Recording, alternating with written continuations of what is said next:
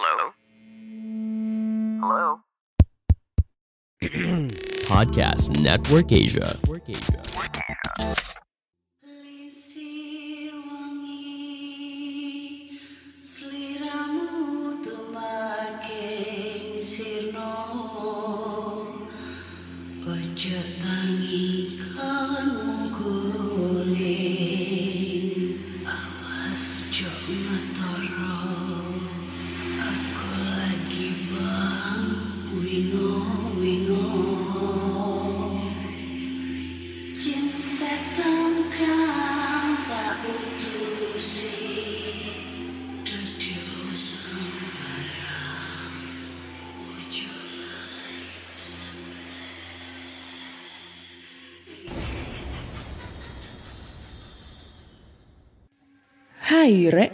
Apa kabar Ketemu lagi dengan aku si Ana di podcast kisah horor.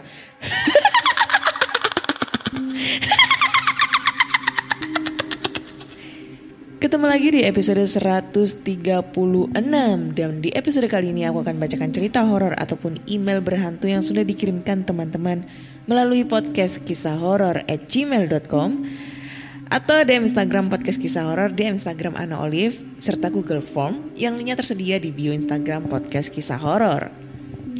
Oke, sebelum kita mulai membacakan cerita horor, aku ingin kalian untuk mendengarkan satu lagu ini.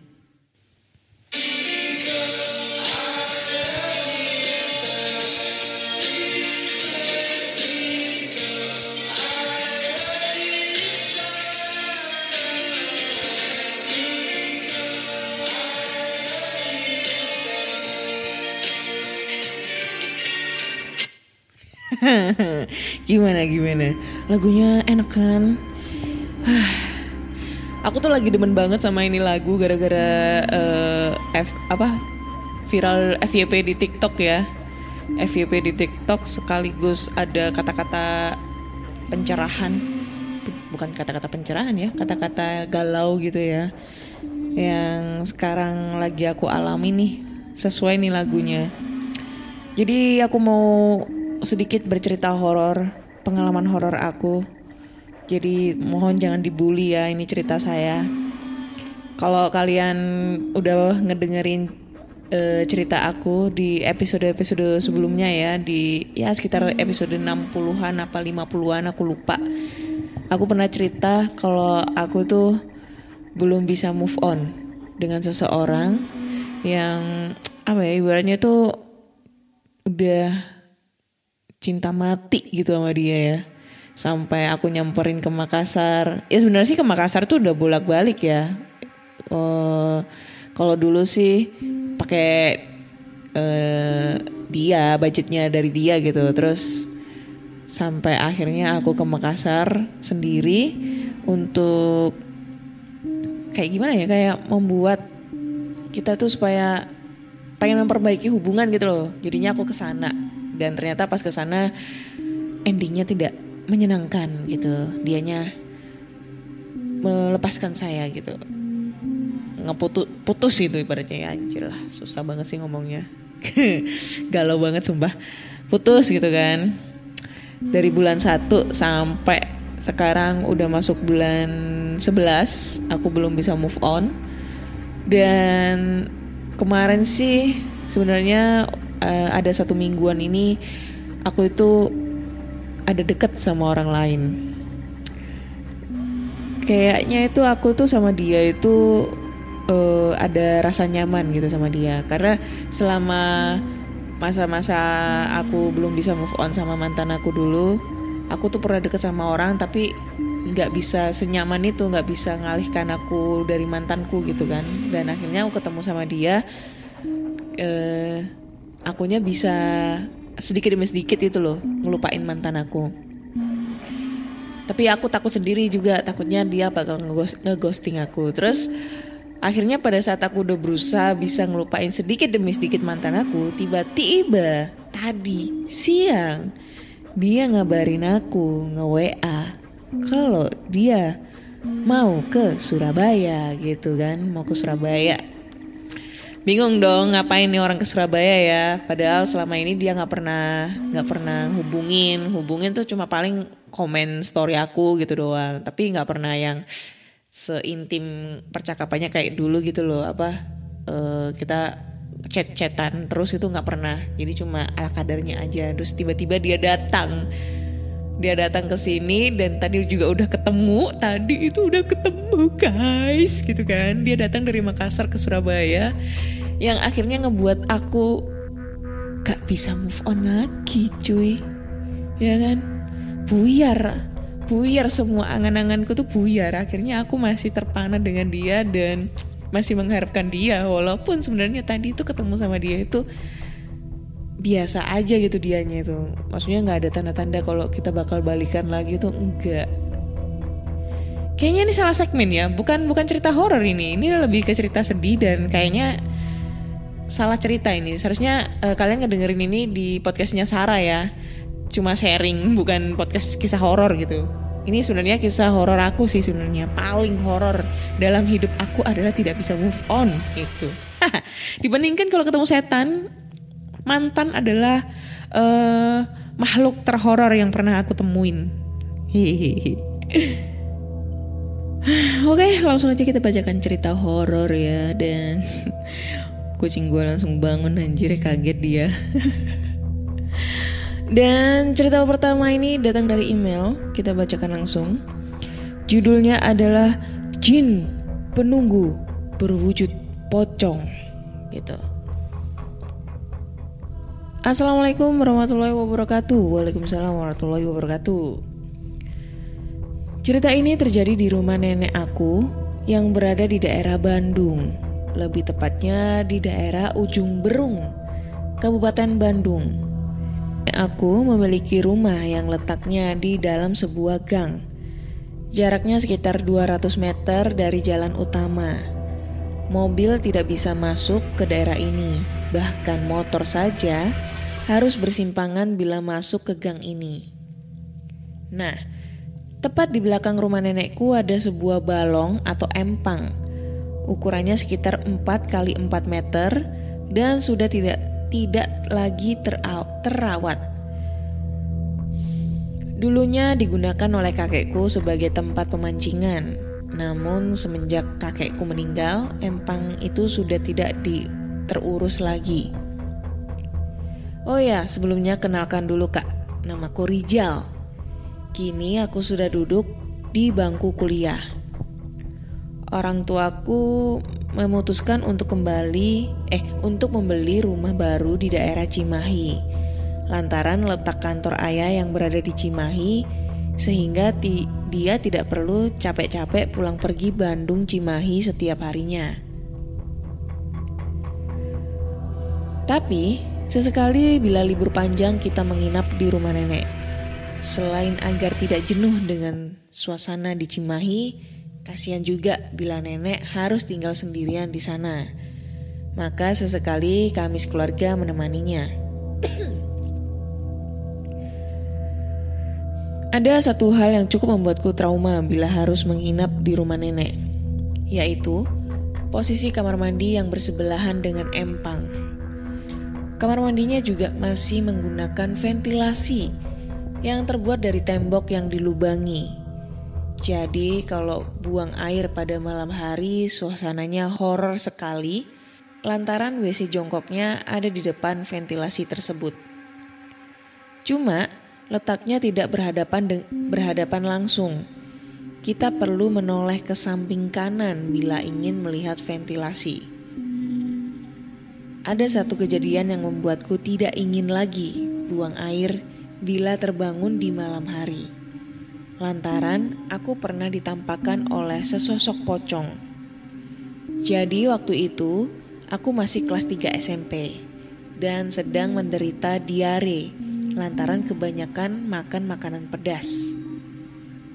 Diare itu membuatku ingin terus-menerus buang air. Bahkan hingga sudah tidur pun aku suka terbangun karena perasaan mules yang tidak tertahankan. Hingga akhirnya aku terbangun di pagi hari karena perasaan mules yang sudah tidak lagi tertahankan. Aku pun bergegas menuju kamar mandi. Sial sekali pikirku saat itu, karena harus ke kamar mandi di tengah tidur yang lagi enak-enaknya. Tapi kalau tidak ke kamar mandi bisa bahaya. Tiba-tiba aku mendengar suara ketawa dari sekitar kamar mandi. Aku pikir itu adikku yang mencoba menggangguku. Namanya Anton. Usianya memang tidak terlalu jauh dariku. Namun, usilnya melebihi aku. Tok, gak lucu, bentakku saat itu. Namun dia masih terus menggodaku. Karena kesal, aku bentak lagi lah dia. Tok, gak diem, aku pukul nanti ya. Kataku dengan nada tinggi. Setelah itu suara tertawa itu hilang. Aku senang karena aku bisa kembali buang air dengan tenang.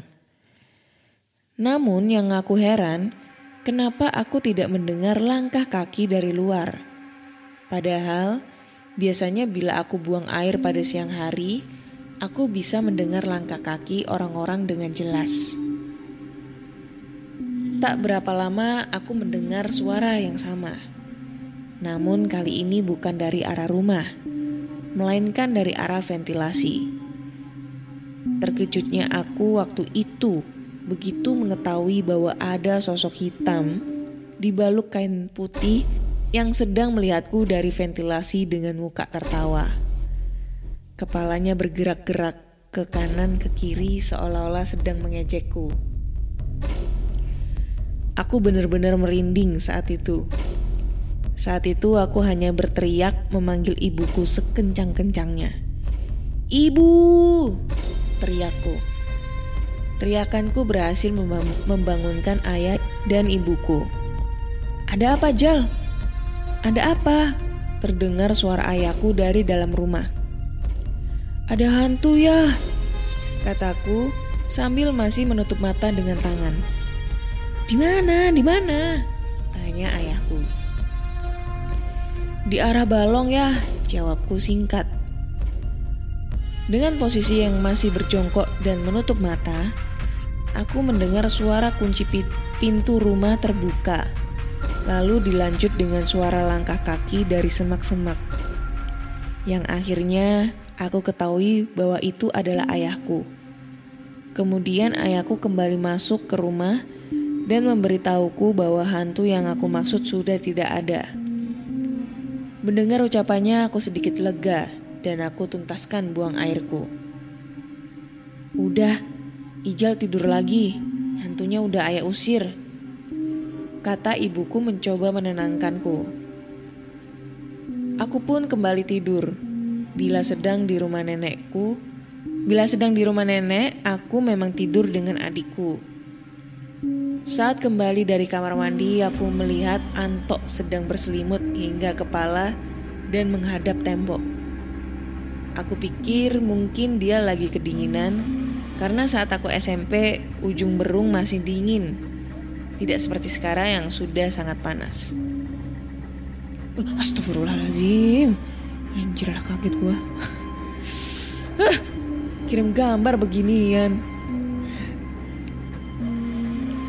Akhirnya aku pun ikut tiduran di kasur. Eh di kasur. Iya bener di kasur. Anjir, gagal fokus aku. Dengan mata terpejam, aku masukkan badanku ke dalam selimut. Rasa dingin membuat kakiku bergerak-gerak ke segala penjuru kasur. Namun ada hal aneh ketika kakiku menyentuh kaki Anto. Karena seperti menyentuh kain di kakinya. Tapi kembali aku pikir, mungkin dia menggunakan celana panjang saat mau tidur. Hmm, gak fokus sumpah. Semakin lama mengantuk dan ingin tidur, tiba-tiba suara tawa itu terdengar lagi. Sumber suaranya tepat dari sebelahku, lebih tepatnya dari arah Antok tidur. Begitu kubuka mataku, betapa terkejutnya aku bahwa itu adalah pocong yang aku lihat di kamar mandi tadi. Dengan sangat panik, aku teriak dan keluar dari kamar. Ibu! Teriakku kencang sambil berlari ke arah kamar orang tuaku. Karena tak pintu tak kunjung dibuka, aku geder-gederlah pintu kamar mereka. Akhirnya terbukalah pintu itu. Sialnya, ternyata teriakanku juga membuat nenekku terbangun. Ada apa malam-malam gini? Tanya nenekku. Ada pocong nek, dari tadi gangguin aku terus. Jawabku ketakutan. Ya udah, sini tidur sama nenek aja ya, bujuk nenekku. Iya, kamu tidur sama nenek aja. Soalnya Anto udah tidur sama ayah sama ibu. Nanti kamu gak dapet tempat, kata ibuku. Akhirnya malam itu aku putuskan untuk tidur dengan nenek. Baru saja rebahan di kasur, kutanyakan pada nenekku kenapa dia sama sekali tidak ketakutan dengan hantu yang aku sebut tadi.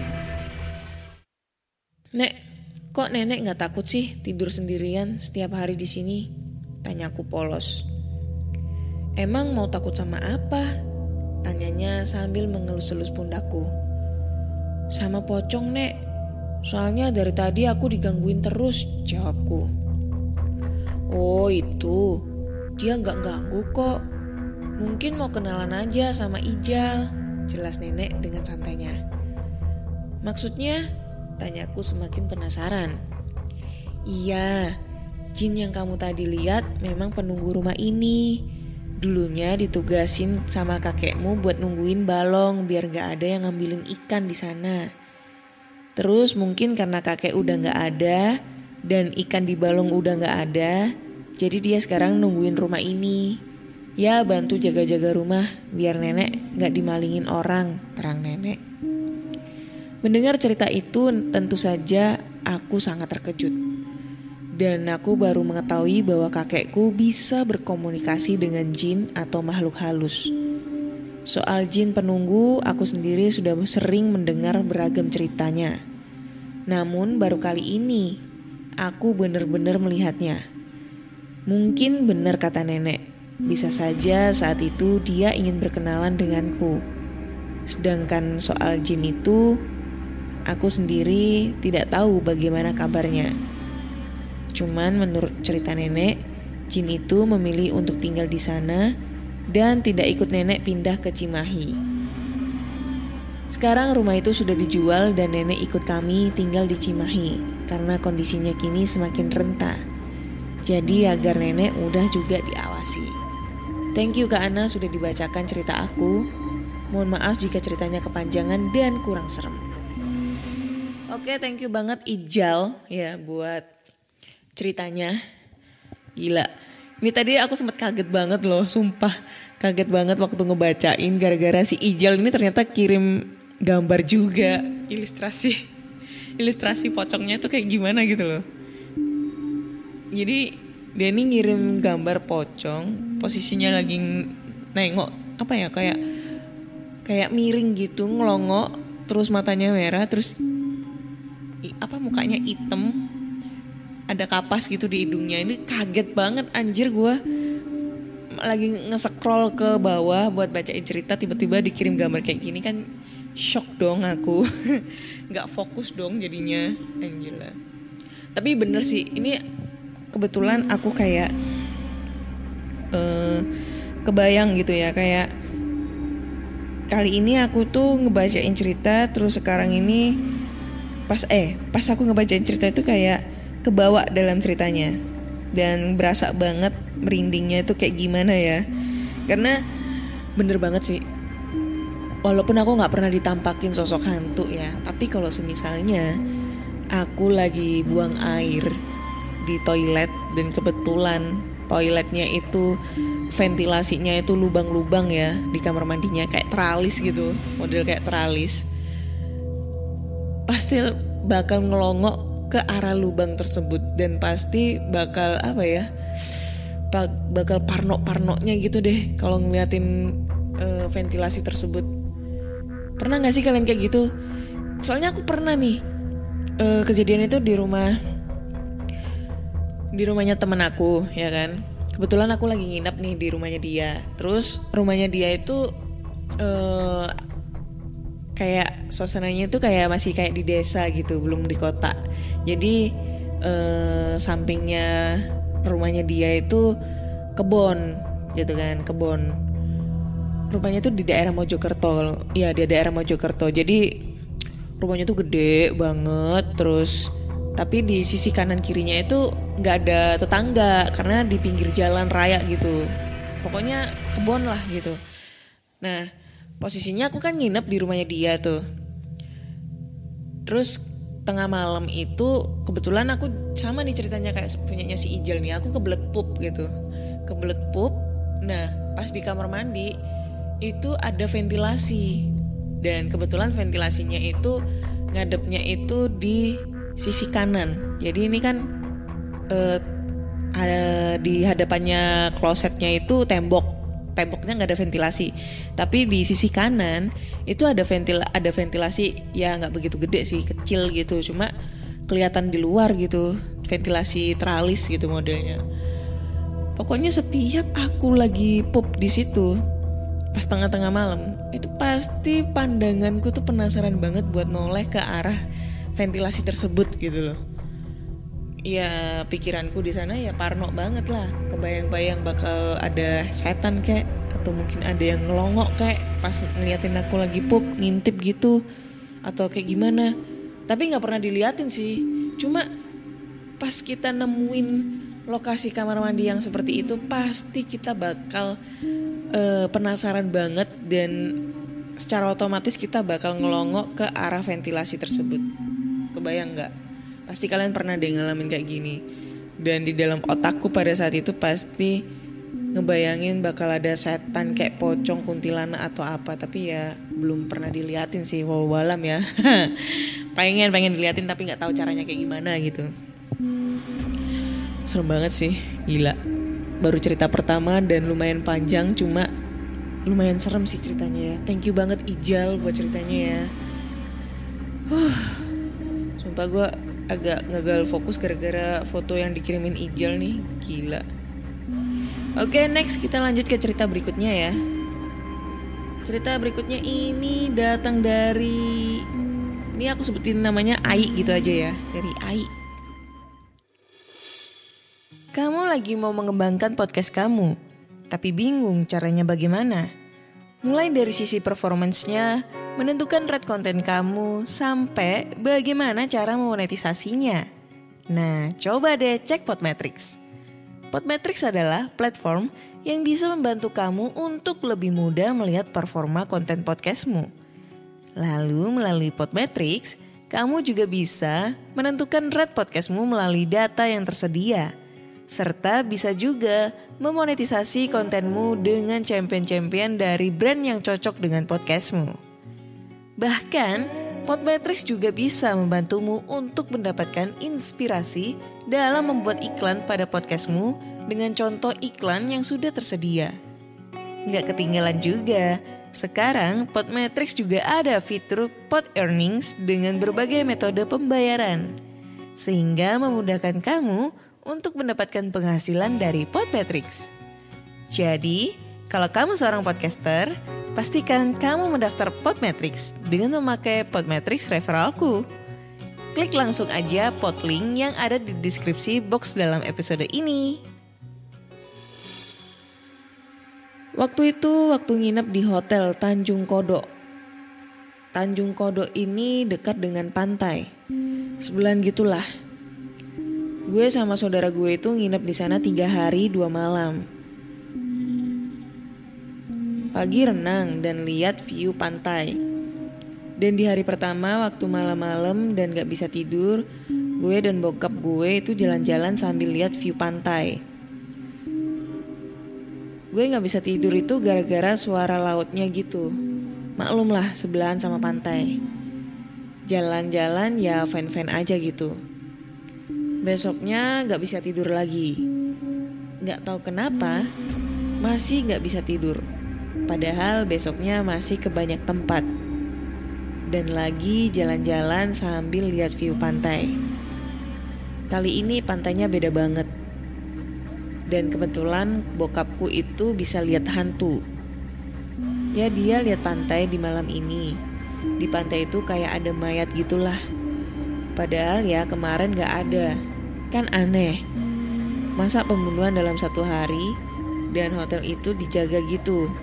Kan itu tanya teman di Tanjung Kodok ada hantu atau korban pembunuhan kah? Teman bokapku ya jawab dong. Dulu ada pembunuhan di pantainya. Udah lama sih. Emang kenapa? Bokapku otomatis jawab dong. Ya kali dah tanya terus ditanya balik, gak jawab. Kemarin-kemarin kan jalan-jalan, terus nginep di sana. Ada mayat gitu. Ternyata hantu toh, kata bokapku. And gue kaget dong, kayak gue juga lihat gitu. By the way, gue masih punya satu cerita lagi. Gue gabung aja di sini. Jadi cerita ini udah lama sebelum bokap gue ketemu nyokap gue. Bokap gue tidur di kos-kosan dan bokap gue itu udah bisa lihat hantu dari sini. Bokap gue otomatis udah terbiasa dong lihat hantu di malam hari. Bokap gue itu tidur sendirian dan tempat tidurnya itu satu doang. Jadi sendirian. Bokap gue tiba-tiba denger suara yang berat banget. Suaranya bilang gini, Woi, geser, capek nih, habis beraktivitas banyak. Suara itu berkata seperti itu tiga hari. Bokap gue kalau dibilangin kayak gitu auto geser ke depan. Ya kali geser ke belakang. Terus bokap gue lihat gitu. Ternyata suara itu aslinya suara dari genderuwo dan tingginya seplafon. And bokap gue tidur bareng hantu. Dan nyokap dan nyokap bokap gue juga pernah tidur di situ berdua dan bawa hewan anjing. Itu menggonggong satu malam. Ternyata ada hantu. And besoknya nggak lagi. Gitu aja. TYY, moga masuk podcastnya.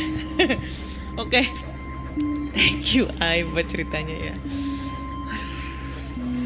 Gimana ya? Aku tuh nggak mau nggak mau menghujat ya, nggak mau menghujat. Nanti banyak banyak netizen yang nggak suka dengan komentar aku ya. Tapi ya gimana lagi? Aku tuh tipikal orangnya tuh yang ngomong apa adanya gitu loh ya. Jadi sebelumnya maaf banget ya Ai. Aku sebel, eh, agak kurang ngeh dengan ceritanya. Maksudnya eh, kata-katanya ini kayak kurang pas gitu ya. Mungkin next time kalau I kirim cerita lagi lebih dirapikan lagi ya eh, tulisannya. Tapi aku agak agak paham kok dengan ceritanya ya. Jadi ini aku aku ini ya jabarin lagi lebih perjelas lagi maksudnya dalam cerita si A ini kayak gimana ya. Untuk cerita pertama, jadi Ai dan keluarganya ini itu nginep di hotel di Tanjung Kodok. Setauku Tanjung Kodok itu di daerah Lamongan ya, deket sama WBL gitu. Eh, Wisata Bahari Lamongan. Nah di situ emang lokasi pantainya. Eh gue nggak tahu sih ya, nggak pernah. Maksudnya gue nggak pernah nginep di hotelnya, cuma gue tahu karena gue pernah main ke wisata baharinya itu. Jadi hotelnya itu deket sama pantai gitu kan, deket sama pantai Tanjung Kodok namanya. Emang namanya Tanjung Kodok.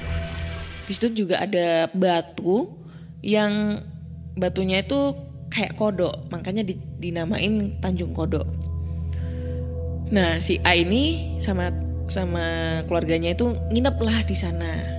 Terus si A ini nggak bisa tidur karena mungkin dia ngedengar suara ombak nih cebar cebur cebar cebur cedar ceder cedar ceder gitu kan keras banget kan kebayang dong yang suara ombak itu kayak gimana keras banget jadinya dia ngerasa bising dan nggak bisa tidur padahal itu enak banget tahu kalau ngedengerin suara ombak ya gue selama 2 tahun di kapal itu enak banget tahu ngedengerin suara deburan ombak wih serasa kayak gimana gitu sejuk gitu ya.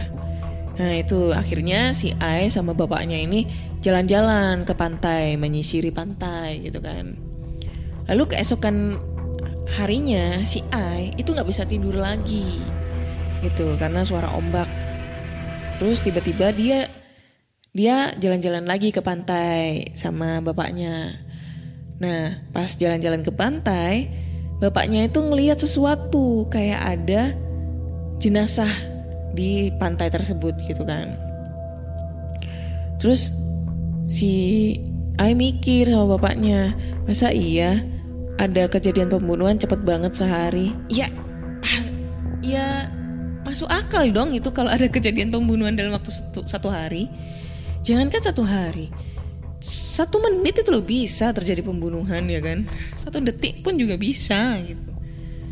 Jadi apa yang tidak bisa di dunia ini gitu loh ya?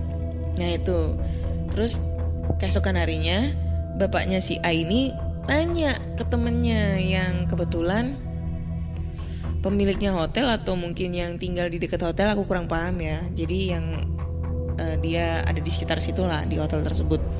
Nanya apakah di sekitar hotel tersebut itu ada tragedi kah? Gitu. Dan ternyata dibenarkan sama temennya bapaknya si Ai kalau pernah ada tragedi pembunuhan dan jenazahnya itu ditemukan di sekitar pantai, bibir pantai gitu. Terus cerita kedua itu tadi apa ya lupa gua. Cerita kedua, ntar dulu. Cerita kedua itu dia itu menceritakan tentang asal muasalnya bapaknya itu ngelihat hantu gitu.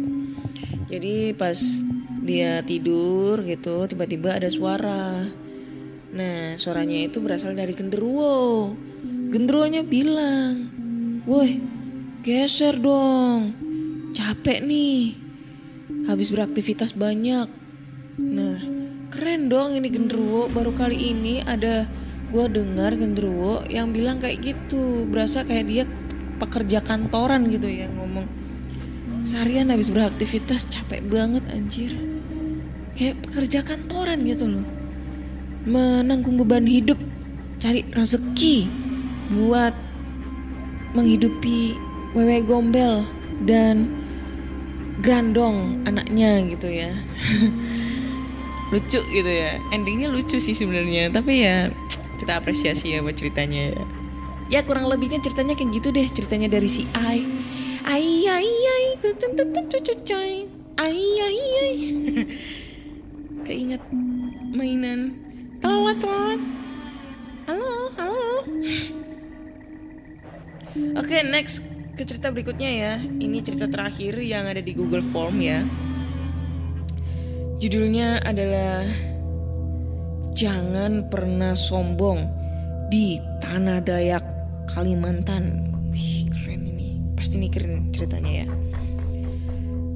Waktu itu, ini datang dari siapa sih? Bentar.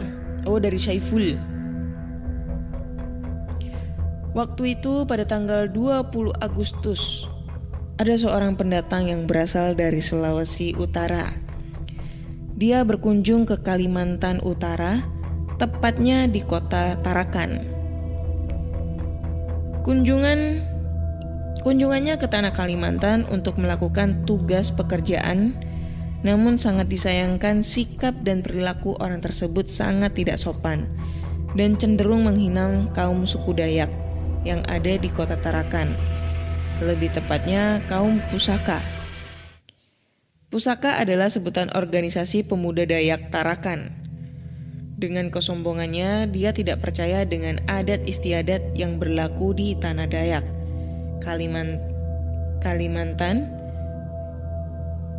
tidak berselang lama orang tersebut langsung kesurupan dan susah untuk diobati sampai-sampai harus memanggil tetua suku kaum Pusaka.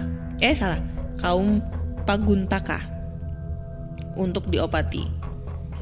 Saking parahnya dia kesurupan, hidungnya sampai mengeluarkan darah dan matanya memutih. Kejadian ini sangat tragis karena saya menyaksikan sendiri secara langsung kejadian tersebut. Tak berselang lama empat hari dari kejadian tersebut, orang itu meninggal karena sakit. Ini pembelajaran buat kita agar lebih menghargai siapa pun dan di mana pun tempatnya agar terhindar dari kejadian-kejadian yang tak diinginkan. Sekian cerita dari saya dan terima kasih.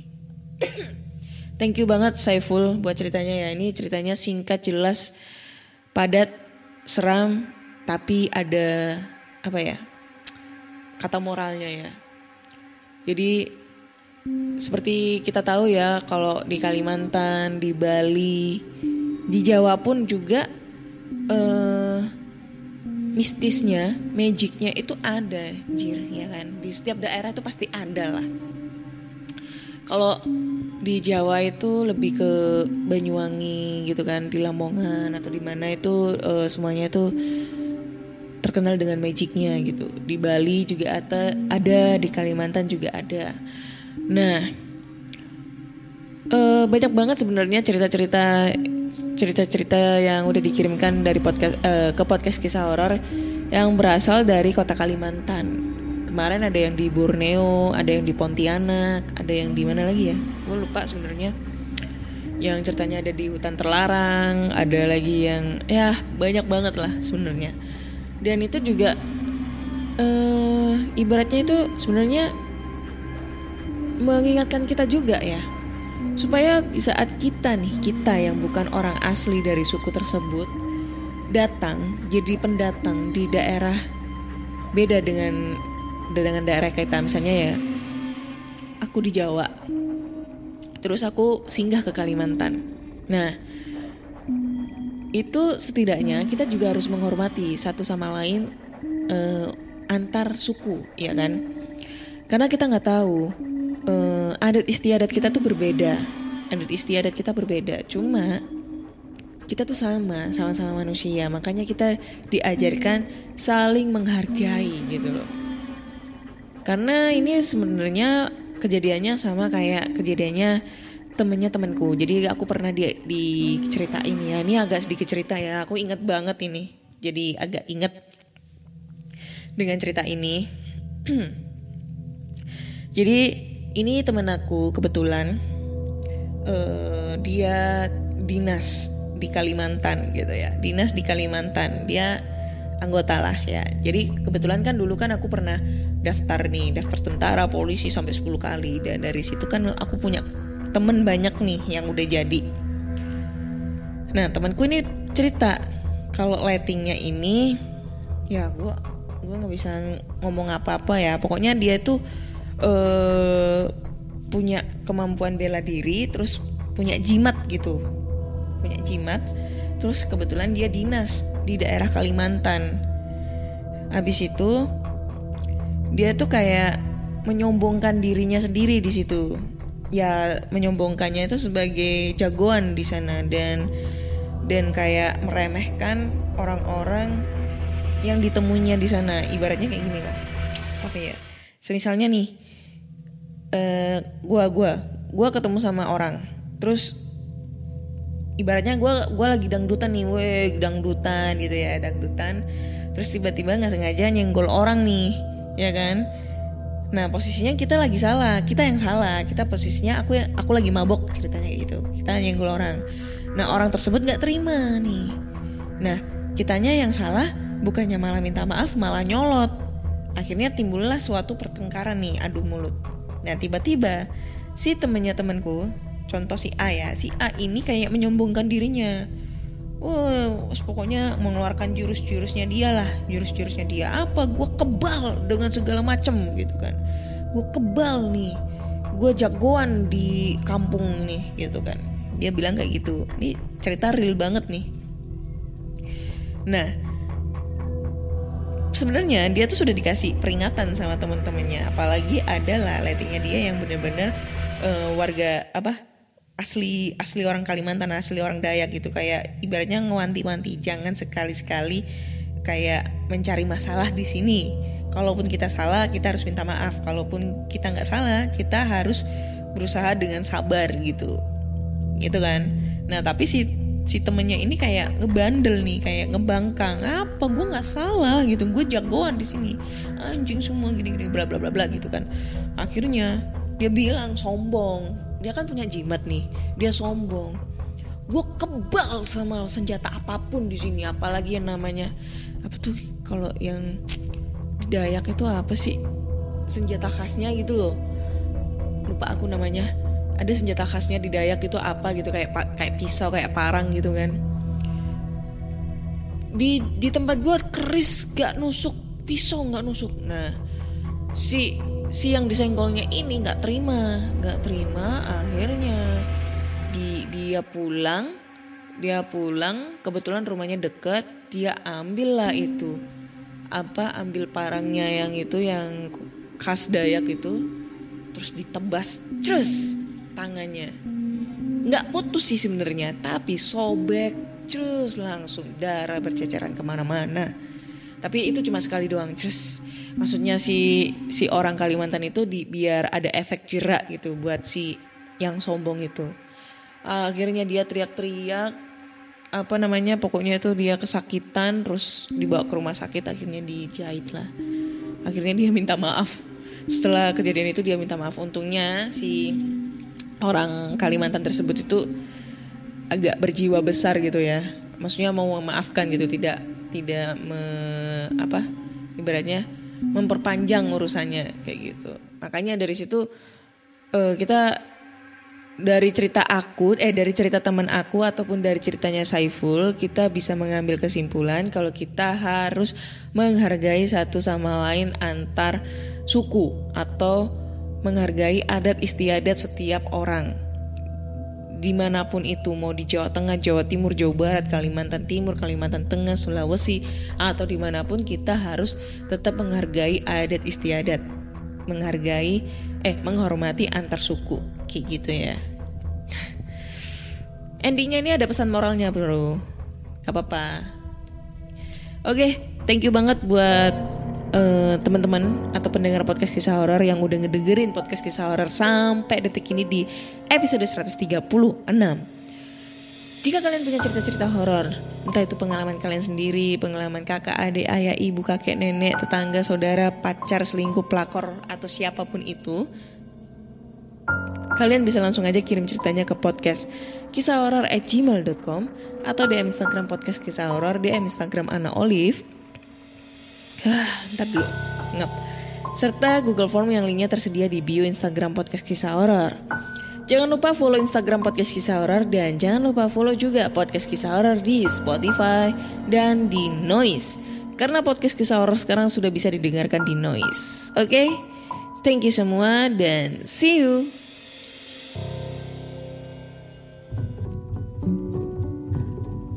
Pandangan dan opini yang disampaikan oleh kreator podcast, host, dan tamu tidak mencerminkan kebijakan resmi dan bagian dari podcast Network Asia. Setiap konten yang disampaikan mereka di dalam podcast adalah opini mereka sendiri dan tidak bermaksud untuk merugikan agama, grup etnik, perkumpulan, organisasi, perusahaan, perorangan, atau siapa pun dan apa pun.